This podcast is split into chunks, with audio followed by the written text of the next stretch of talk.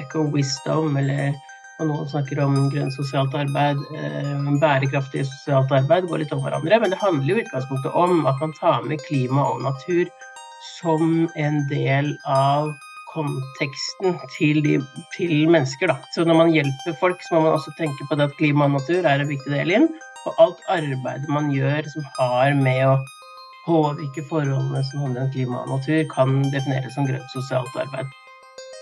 Om bærekraftig økonomi. Sant? Og så har du da noen få om eh, økologi.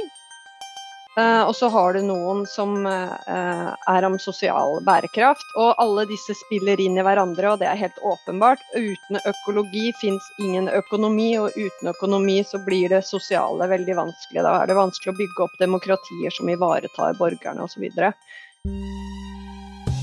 Du hører nå på 17-målspodden med Knut Vindenes og Siri Smith en podkast fra Høgskolen på Vestlandet om FNs 17 bærekraftsmål.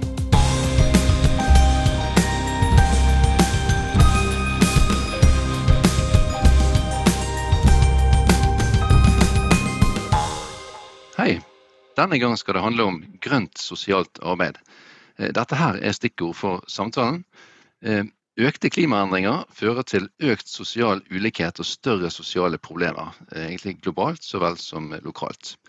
Det handler om yrkesgruppen sosialarbeidere. Vi snakker om barnevernpedagoger, sosionomer og vernepleiere. Hvordan bekjempe klimaendringene og samtidig motvirke sosiale skjevheter og fattigdom. Og så har vi klimarettferdighet, eller kanskje klimaurettferdighet. Eh, videre har vi hvordan motvirke klimaangst og avmakt. Og hvordan tenke helhetlig nok når bærekraftsmålene skal nås. Vi ønsker velkommen denne gang til Kjersti Gåsvold Maudal fra vitenskapelig høgskole. Hei til deg. Hei, hei. og så ønsker vi velkommen til Tone Larsen fra Høgskolen på Vestlandet. Hallo til deg. Hallo. Bra. Sånn før vi setter i gang, eh, eller ja. Eh, Kjersti, ville du sagt litt, litt mer om deg, om din, om din, stilling, hva du jobber med i det daglige? Ja, jeg jobber også på Vid vitenskapelig høgskole. Jeg er sosionom, og jeg underviser i sosialt arbeid, stort sett på bachelor. Jeg underviser mye sånn generelt sosialt arbeid og mye samfunnsarbeid. Og derfra er jo veien kort inn til grønt sosialt arbeid. Så det holder jeg mye på med nå for tida. Spennende. Og du Tone, hva er ditt daglige virke? Ja, jeg jobber på master i sosialvitenskap, og jeg er i Sogndal. Og jobber en del også på bacheloren der i sosialt arbeid og i videreutdanning i rus. Ja, ja. Og så er jo dere eh, Dere har samarbeidet litt, eh, så vidt jeg husker at vi snakket om. Eller bare sånn kort, hva, hva, hvor har dere samarbeidspunkter? Dere kjenner jo til hverandre.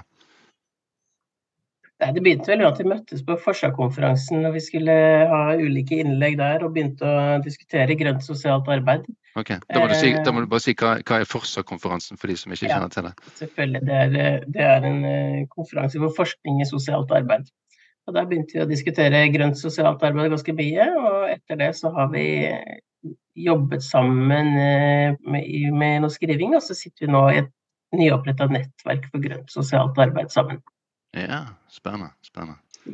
Jeg glemte Knut å si at jeg òg er her, så jeg sier hei. Nei, jeg glemte Nei, Siri. Det var, det var flaut. Det var flaut. ja ja, det går fint. Hei, Siri. Da tar hei, Siri. Jeg, hei, hei. det er lenge siden sist med pod nå, så eh, jeg er litt rusten. Da tar jeg første spørsmål eller istedenfor. Gjør det, gjør det. gjør det. Kupper jeg hele greia. Så ja, grønt sosialt arbeid er altså her eh, stikkord. Hva er egentlig det for noe? Um, Tone, vil du eh, forklare først? Hva tenker du, hva ligger i det, egentlig? Ja, um, ja det er jo en, en, ganske ny retning innenfor sosialt arbeid. Um, det er litt sånn vanskelig å snakke om grønt sosialt arbeid uten å si noe særlig om sosialt arbeid først. da. Fordi i, i, sosialt arbeid så ligger spesielt det her med uh, sosial rettferdighet uh, som en sånn viktig verdi for oss. da. Altså At vi er opptatt av å jobbe for et mer rett, rettferdig samfunn. Um, på individuelt og systemnivå. Da. Og da har vi jo på en måte ulike tilnærminger til det. Vi kan jobbe i feltet, altså i førstelinja, i direkte kontakt med brukere og pasienter. Og, og ja, um, videre inn i organisasjoner.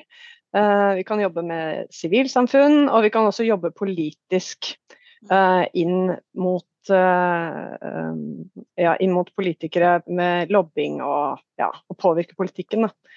Mm. Og grønt sosialt arbeid det følger, litt av de samme, det følger jo mye av de samme linjene, men forskjellen er vel det at nå eh, er vi mer bevisst på det som skjer i forhold til klimakrisa. Og da endrer ikke perspektivene våre så veldig mye seg.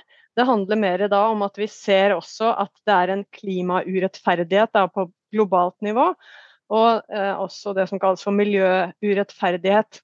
Eh, som går på det at f.eks.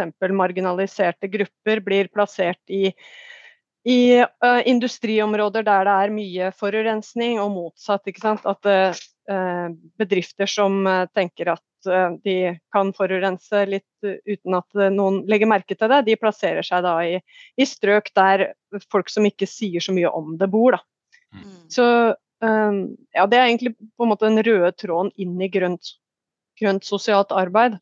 Vet ikke, Kjersti, mm. du har vel skrevet litt mer eh, fyldig om det, tenker jeg? Ja, vi prøver jo å definere det så godt vi kan. og Det er jo litt sånn, som sier, en ganske sånn ny retning eller et nytt perspektiv som tar inn i sosialt arbeid. Og det er ikke noen sånn enhetlig definisjon av det internasjonalt heller. Man, eh, man uh, bruker litt ulike ord. Noen snakker om liksom, eco-wisdom eller noen snakker om grønt sosialt arbeid, uh, bærekraftig sosialt arbeid, går litt om hverandre. Men det handler jo i utgangspunktet om at man tar med klima og natur som en del av konteksten til, de, til mennesker. Da. Så når man hjelper folk, så må man også tenke på det at klima og natur er en viktig del inn. Og alt arbeidet man gjør som har med å påvirke forholdene som handler om klima og natur, kan defineres som grønt sosialt arbeid. Men mm. bare jeg tenker på Ehm, er det nytt, eller er det bare et nytt begrep? For dette her med bærekraftmålene og, og dette her med Gro Harland Brundtland sin definisjon av bærekraftig utvikling, som vi har snakket om flere ganger før, det går jo på dette her med urettferdighet for uh, at fattige land eller befolkninger og de som har uh, ja, dårligere vilkår enn andre, skal òg være med. Så hvor ligger vi hen i det landskapet, for å si det sånn? Og du tenker på om det er nytt eller ikke i forhold til bærekraft? Ja. ja. Nei, um, det er jo noe nytt i forhold til at det fokuserer mye mer på klimarettferdighet nå, og at det kanskje trekker Eller um, det er spesielt ei som heter Lisa Dominelli som har skrevet en del om det, og som har utvikla uh, konseptet. da, Som, uh, uh, som beskriver spesielt den herre gjensidige avhengigheten mellom menneske og natur som viktig for denne retningen her. Da. For i sosialt arbeid mm. så er det ligger veldig en sånn ærefullt oppdrag eh, hos sosialarbeidere å fokusere på miljø og individ i samspill. Mens vi kritiserer jo ofte den diagnostiske kulturen f.eks. på å være veldig individ individorientert. Da. Altså at man opererer på symptomnivå og gir kanskje en tablett mot noe som er feil med individet. Mens i eh, sosialt arbeid så er vi mye mer opptatt av at de, disse tingene spiller eh, i sammen, og at det gir konsekvenser for grupper som er marginaliserte i utgangspunktet. Da. Og eh, hvis vi i tillegg da eh, legger til at eh, sosialt arbeid er ganske er påvirka av perspektiver som kanskje ikke er så um, Ja, som kan være litt sånn uh, uh, systemkritiske, da. Spesielt med tanke kanskje på altså mindre populasjoner som ikke har så mye, får så mye slagkraft tilbake fordi at demokratiet ikke fungerer. Så f.eks. urfolket, eller urfolkkunnskapen, den har kommet veldig sånn til uttrykk gjennom grønt sosialt arbeid også, som en plattform der. Og det grønne sosiale arbeidet har, drar da veksel på den kunnskapen som ligger i urfolkskunnskapen, som er veldig sånn økologisk orientert og ikke så antroposentrisk orientert som eh, vi blir kritisert for, da, med god grunn. For det er jo mye som legger til rette for at det er mennesket som skal få ta for seg. Da. Ja, ja, jeg tenker på at eh, i forhold til dette om dette er nytt eller ikke, så er det sånn at bærekraft har jo ligget der veldig lenge. Og sosialt arbeid har vært veldig opptatt av sosial bærekraft.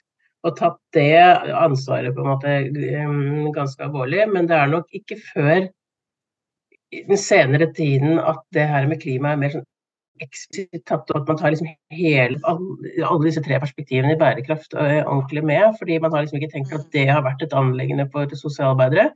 Det kom mye tidligere, kanskje på den uh, sørligere delen av verden, hvor klimaendringene kjappere har fått veldig sånn direkte konsekvenser. Når, når, man begynner å se at uh, når det er flom og tørke og avlingene forsvinner og man ikke har mat nok osv., så, videre, så er det veldig naturlig for sosialarbeidere å gå inn og gjøre noe med det. Mens i Norge så har vi vært mye heldigere stilt foreløpig. At man ikke har liksom eh, jobbet sett på det som et sånn viktig anliggende. Og, og, men så ser man jo selvfølgelig nå både i et globalt perspektiv, selvfølgelig, men også mer sånn nasjonalt og lokalt at dette påvirker også våre brukergrupper rundt her som vi har et slags ansvar og mandat for. Så det er nok derfor eh, dette med klima har kommet med spesifikt nå i det siste.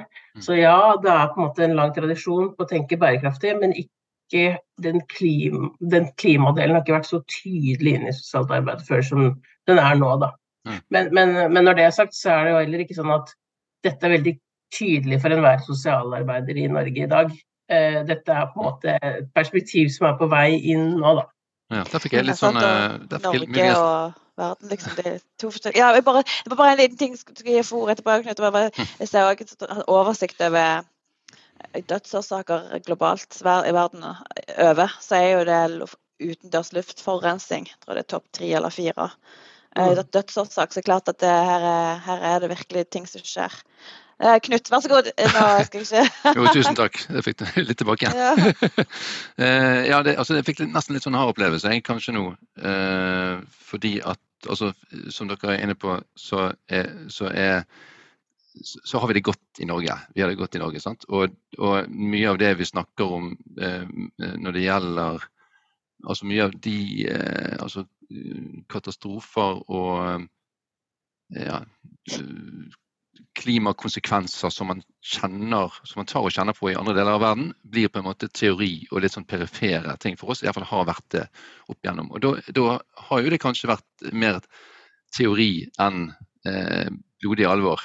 Eh, for, også for gruppen sosialarbeidere. Eh, mens, mens, nå, nå eh, bidrar vel dere til at dette settes mer på dagsordenen og kommer rett og slett inn eh, eh, som noe som denne yrkesgruppen må, må, rett og slett ta mer hensyn til. Da, og, og, få mer inn i sin eh, hva skal jeg si da, yrkes, yrkesportefølje, eller yr, yrkesinnhold.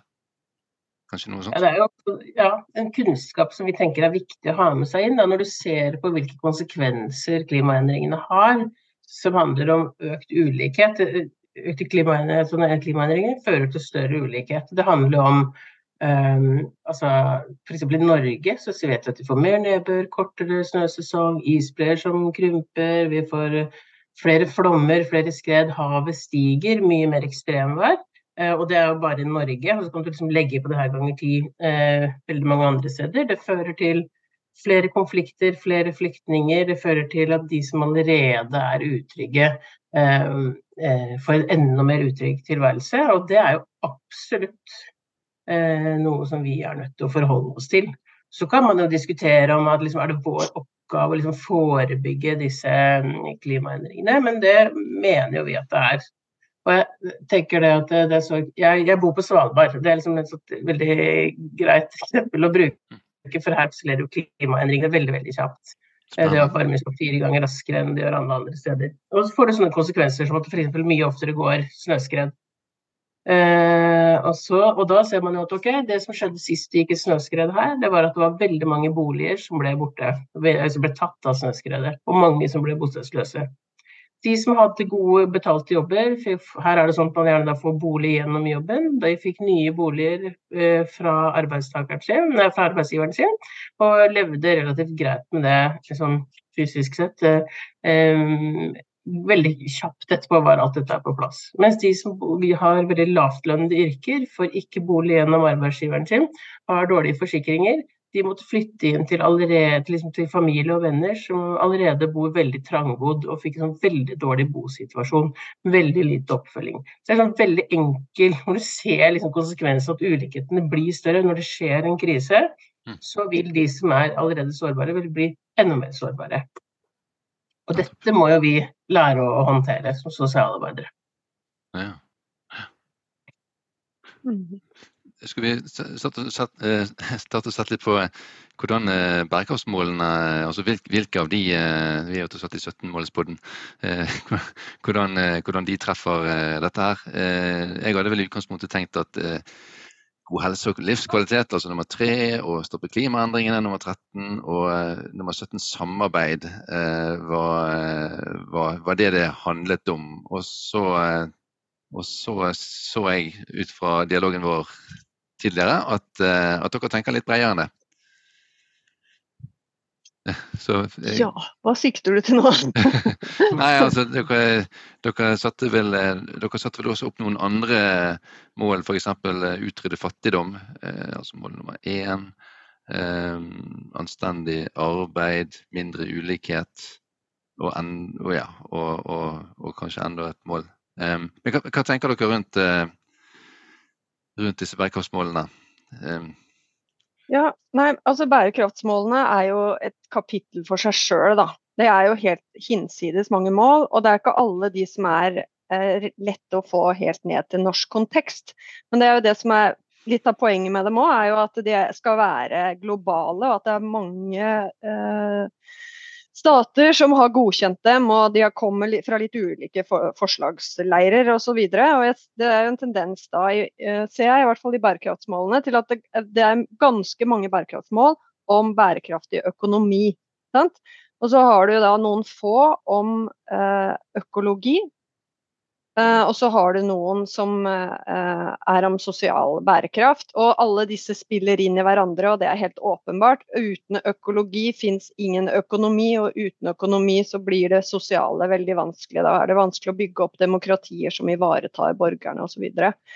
sånn at um, i hvert fall de bærekraftsmålene som jeg har uh, jobba mest med i det siste, da, har jo vært spesielt det som går på samarbeid. Og så har jeg tolka det over til samskaping, altså bærekraftsmål 17. Der òg er det jo en del økonomiske greier på gang, fordi at vi er nødt til å hjelpe u-landa. Det, det, det, er jo de som får konsekvensene, som kjent. Da. Men eh, hvis vi skal trekke det målet ned til norsk kontekst, kanskje til Sogndal f.eks., så kan vi jo gå inn i det mål 1717 da, som går på samarbeid på tvers av sektorene. ikke sant? Altså at du både har sivil sektor, privat sektor uh, og, um, og, offentlig sektor med i å samskape da en bærekraftig utvikling. Og da handler det OK, hvordan gjør vi det? I i grønt sosialt arbeid så er eh, det som de kaller for samproduksjon, i den teorien, jeg vil opp, eh, freshe den opp litt og kalle den for samskaping, det er det sentral eh, sånn ferdighet man må ha som sosialarbeider. Fordi man skal legge til rette for samskaping. altså Man skal legge til rette for at lokalsamfunnet selv løser problemene. Og så er det ulike måter å gå inn i det på. Og det som står i, i litteratur om grønt sosialt arbeid, er at man skal eh, gå inn i katastrofesyklusen og jobbe eh, først med altså forebygging. Hva kan skje? Hvorfor skjedde det et jordreis på, eh, på Jølster, liksom? Hvorfor er det flommer i, i Kristiansand og på Sørlandet? Eh, eh, kan det skje hos oss? Ja, OK, hva gjør vi da? Bare for å skyte inn litt her, Katastrofesyklus, kan du si bare litt, litt om hva det begrepet handler om? Det som de eh, definerer det som, er at det første, det første, man ser på da, er jo en syklus som går fra uh, før man vet at det skjer noe, og man tror at det skjer noe, til det har skjedd noe, og det sjokket som oppstår da, og til å rehabilitere samfunnet til å bli mer resilient. da. Ja. Så, og, og, og, og, man kan gjøre det med å mobilisere, sånn som vi er vant til i sosialt arbeid, kollektiv mobilisering som eh, på en måte bygger opp en, en eh, beredskap til å håndtere krisen. Ok, vi, vi, tror at det kan bli jord, Dette er et område med mye jordrasfare. Det er et område med uh, Her kommer havet til å øke. Altså At man forholder seg til de konsekvensene som kommer til å komme, før de kommer. Det er vi i den rike Vesten veldig privilegerte og kan, kan gjøre. Mm. Og så kan vi jo, når vi har gjort det, så kan vi kanskje reise ut, eller kanskje vi burde ha reist ut og gjort det for lenge siden og alt det der, og det gjør dem òg. Men nå skal ikke jeg rote meg bort i det. Men poenget er i hvert fall at Poenget er i hvert fall at uh, man først gjør en risikovurdering. Uh, ha med lokalsamfunnet inn i hele prosessen, sånn at lokalsamfunnet til slutt, da, når skaden har skjedd, så står de rusta og er, føler seg sterke, rett og slett, fordi de allerede har forutsett det.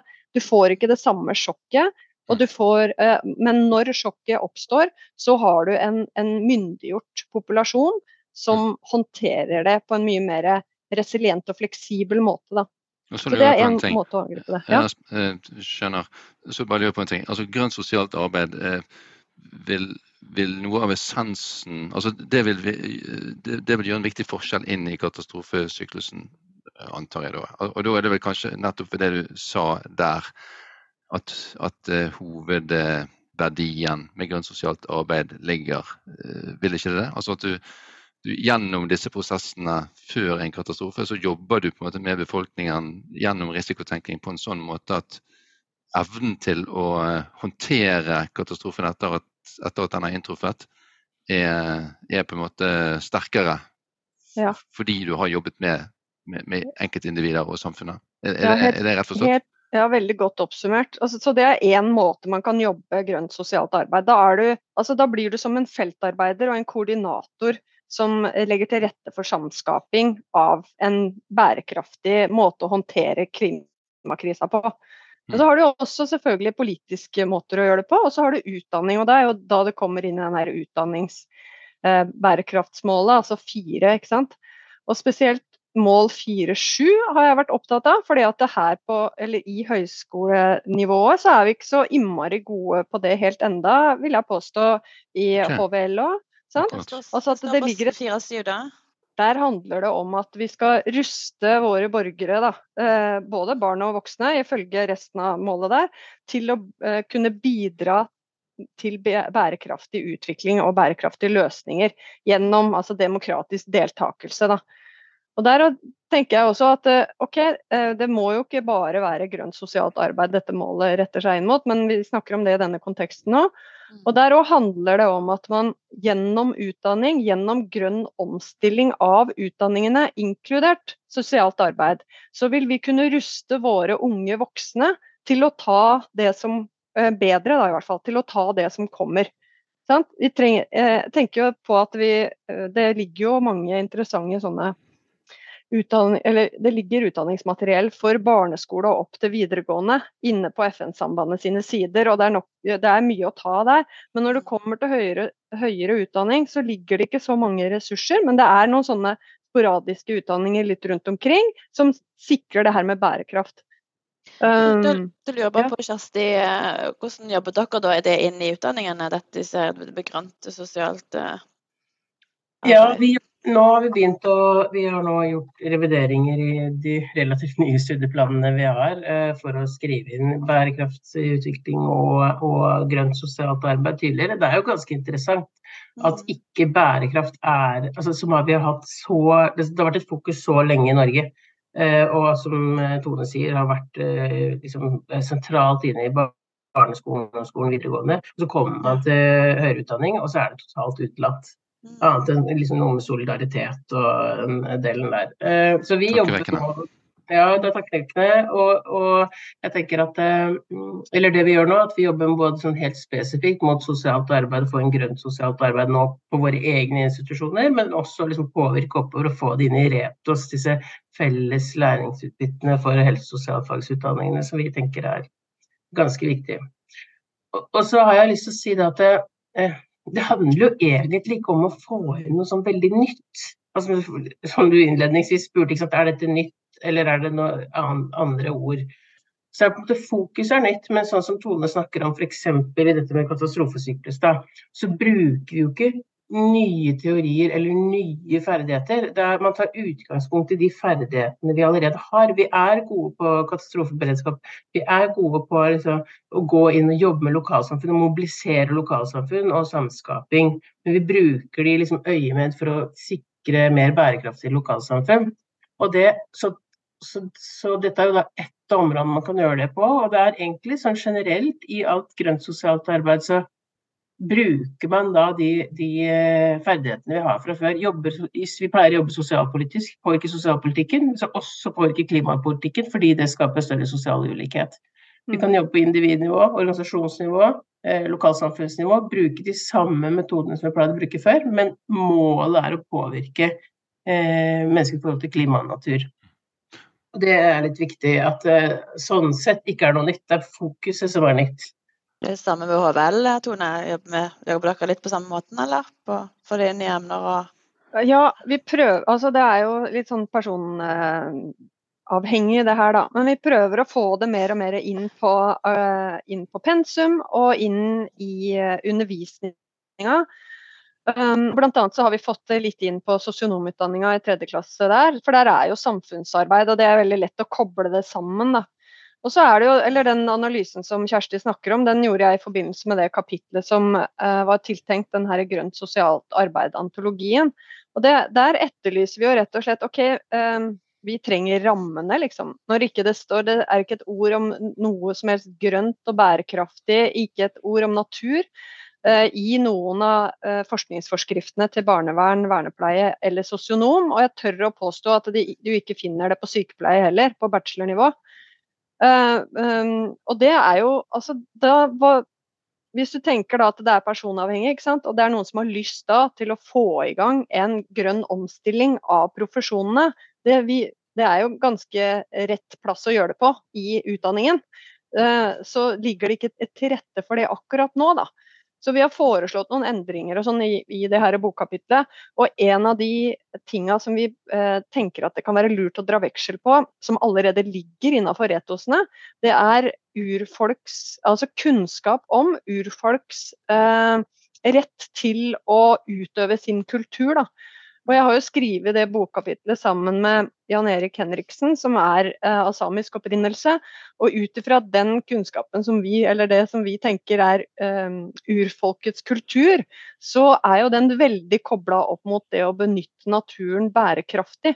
Sånn at eh, eh i retosene så er det sånne, altså retningslinjene for disse uh, utdanningene, så er det altså presisert at vi skal sikre at samiske barn uh, får ivaretatt den miljøparagrafsrettigheten i Grunnloven 112 eh, om at de skal få eh, uh, eller ha et oppvekstmiljø som er eh, bærekraftig. Da.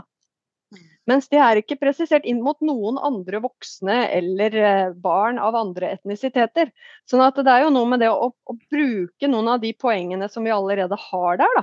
Det er noen rettigheter som allerede er på plass og som er sikra, som vi kan dra veksel på når vi skal på en måte utforme eh, de rammene som kan gjøre at vi får en grønn omstilling både på utdanningsnivå, men også ute i praksis.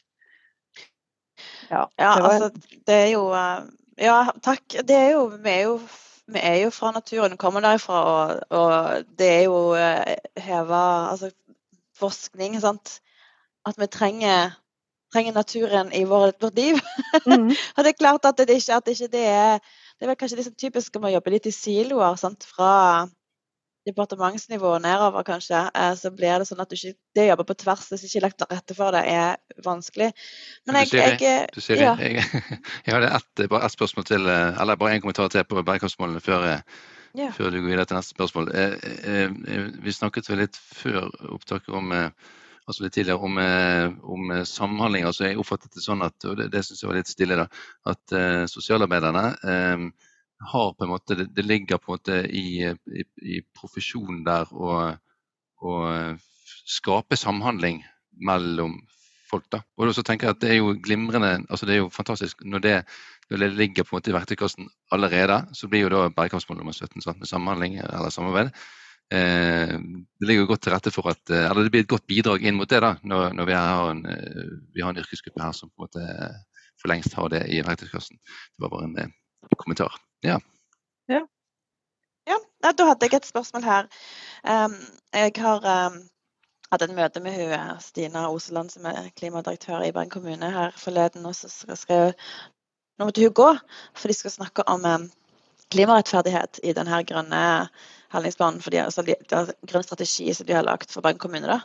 Så um, hvor langt tenker dere altså Nå, nå har dere sagt at det er på en måte et nytt begrep, og at vi jobber med å få det inn utdanningene. Men når, når det kommer til praksis og ut i felt, um, hvor langt er vi egentlig kommet? Uh, sånn som dere kjenner til det arbeidet både lokalt og nasjonalt og globalt. Um, er det liksom altså, Har vi kanskje snakket, allerede vært litt inne på det? At det er på vei, men eh, Kjersti, vil du begynne å ja, det er et veldig stort spørsmål. si. Både sånn lokalt og globalt. Eh, ja, tenker du på bare innenfor sosialt arbeidsprofesjonene? Eh, ja, ja, ja, om vi skal begrense det litt, ja, f.eks. det. Mm. Ja. Altså, det, eh, kan du si at det, er, det er selvfølgelig på vei, man er på vei i en retning av det er klart at eh, sosialt arbeidsprofesjonene har nok helt klart tatt Eh, liksom, litt lokalt, og mest globalt, vil jeg si. Det er en del land som går i bresjen for å, for å, for å fremme bærekraftig utvikling og redusere, redusere klimautslippene, f.eks. IFSW, som er den internasjonale organisasjonen for sosialarbeidere, har virkelig jobbet mye for å sette dette på agendaen. Og, og det har gjort at det er mange land som, som er med påvirker eh, politikken, styrker demokratiene, styrker lokalsamfunnene for, å, for, at man skal gå i riktig retning her. Eh, men jeg tenker det er veldig langt igjen å gå. Eh, altså rettferdighet det, Man kan jo si et av problemene i sosialt arbeid, om man skal kalle det, eller det får veldig ofte opp i dilemmaer. Da, man, vi har både rettferdighet i tid og rettferdighet i rom, som vi kaller det. det at vi har liksom et ansvar for at vi skal ha en rettferdig fordeling for alle som bor eh, i verden i dag. Eller man kan ta det mer lokalt for alle som bor i Norge i dag. Eh, men man har jo også dette med rettferdighet i tid, da, altså for fremtidige generasjoner. Eh, og det er klart at Man kommer opp i ganske mange dilemmaer hvis, skal, hvis vi skal klare å gjøre måte, rettferdige og bærekraftige beslutninger som skal ta både dette tids- og romaspektet Mm. Eh, og, og, det blir veldig stort for mange si, sosialarbeidere som jobber på grasrota på individene, hvis de skal tenke at de må ta bærekraftige beslutninger. Sånn, når det gjelder én enkelt klient, så skal du uh, et vedtak, og så skal du liksom forholde deg til om det på en måte er bærekraftig både for fremtidige generasjoner og for resten av befolkningen på jorda, er jo eh, ikke så lett å forholde seg til. Og jeg tror kanskje det er akkurat de tingene her at det blir at at mange av de som jobber på grasrota, føler seg veldig små i forhold til den totale konteksten, som gjør at det, det, er en del som ikke engasjerer seg det i arbeidet og ikke føler det er sånn helt relevant. Mm. Ja. Så jeg tenker at vi som, som, profesjon så er man på vei et sted, men jeg tror kanskje sånn hva skal jeg si, generelt som Nesten mer sånn generelt som mennesker, da, så er jo generelt vi mer opptatt av bærekraftsmålene og det å jobbe mot bærekraftig utvikling. Og så vil jeg nesten si at vi kommer naturlig etter. Ja, sant. Mm. Ja. Har du kommentar, eller er du, sier du bare at du er enig? Jeg eller Knut eller hvem da? Det, det er Tone. okay. Ja, ja nei, um, nei, det er ikke så lett på Zoom, liksom, for det, du veit aldri om du ser hverandre i øya eller hva du gjør. nei, det, det, er sant. Men uh, ja, jeg tenker på i forhold til det her med uh, klimarettferdighet. Altså, er nå er det jo der åpent og avgjort, alle vet det nå, at hvis vi ikke gjør noe med eh, fattigdommen, så kommer det ikke til å gå bra med planeten vår. Det, det, sier de, altså det har de jo sagt i de siste FN-rapportene. Og det er jo et argument som har kommet fra altså, eh, landene i syd kjempetidlig. At vi må, eh, vi må rette ut ting. For dette går ikke bra. Og det ser vi jo. Altså, folk bruker kull, og andre bruker bensin, og noen bruker elektrisk bil. Og det er jo ikke tilfeldig hvor og hvem som gjør det. Sant? Sånn at uh, klimarettferdighet. Jeg syns det er kjempebra nå at det begynner å bli litt mer sånn anvendt begrep. Og denne teorien nå er jo veldig sånn med på å få løfta det litt. da. Men det som jeg um, tenker på, hvis jeg skal prøve å ta klimarettferdighetsbegrepet inn i Norge på lokalnivå, så, jo, så er jo strømmen, altså strømprisen et godt, uh, et godt uh, eksempel. Da.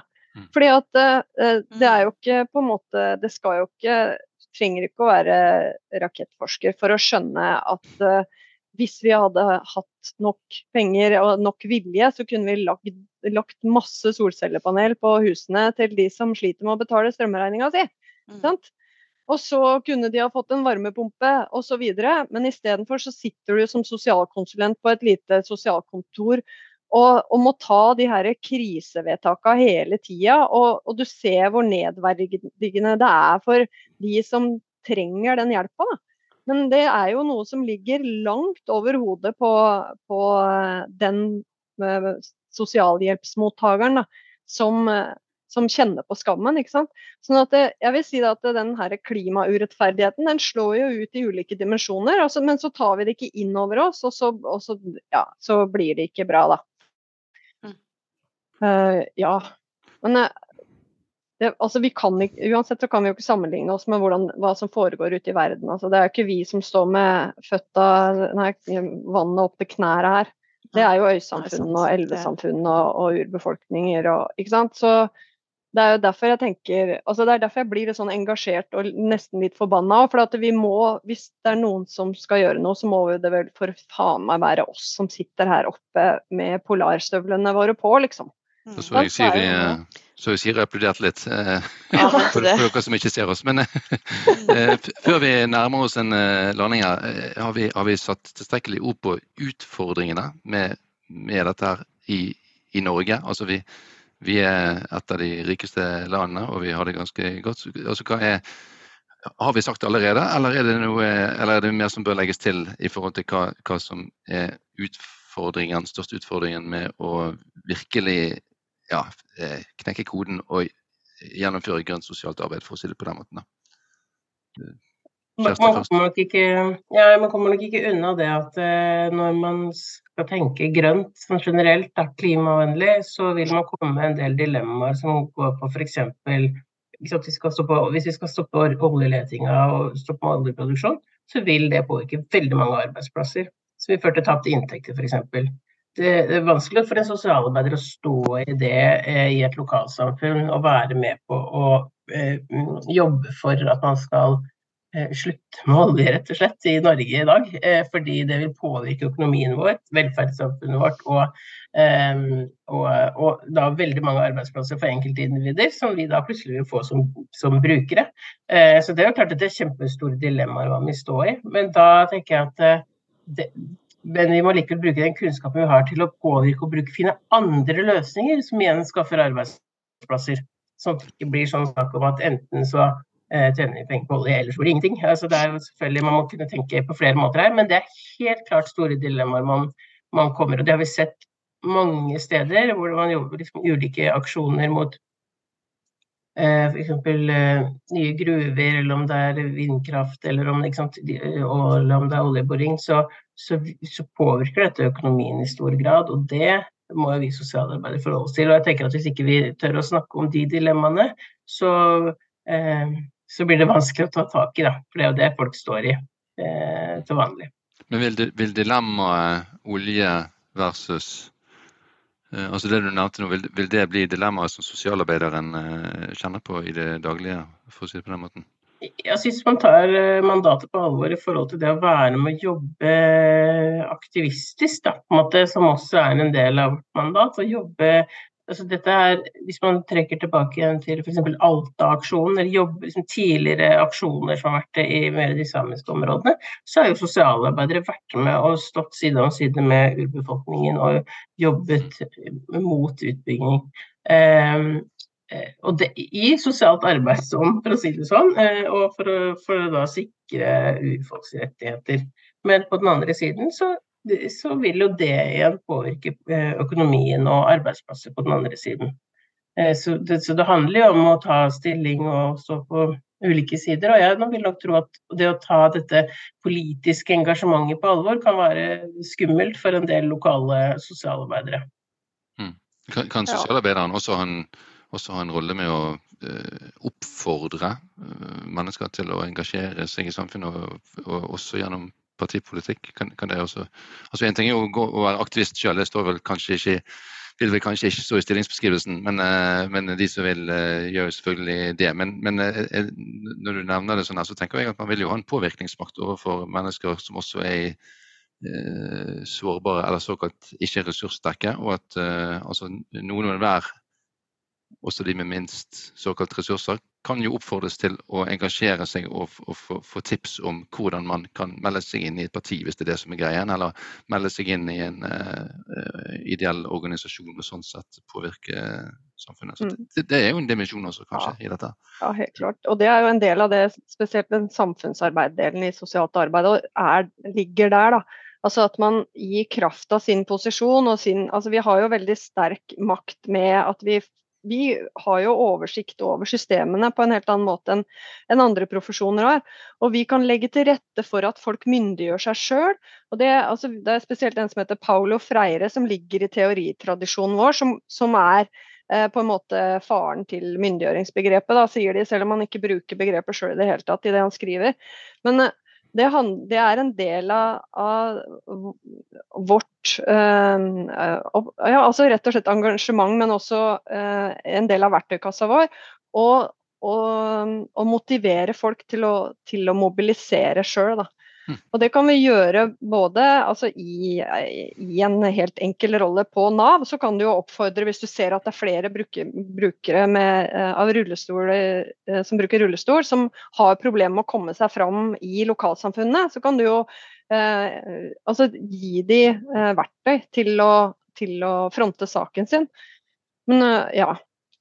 Ja, nei, men Det er jo en fantastisk ting å se og, og utnytte. da. Kjersti, du hadde Ja, ja jeg, um, en av de tingene som vi jo ser nå, og som vi kommer til å se mer av, er at det er uh, mer um, ja, Det er litt ulike begreper man bruker av det, men uh, type klimaangst, økosorg altså Det er mer type psykiske uh, konsekvenser av klimakrisa som gjør at spesielt unge mennesker melder om at de har Eh, mindre håp for fremtiden, eh, sorg over tapt natur.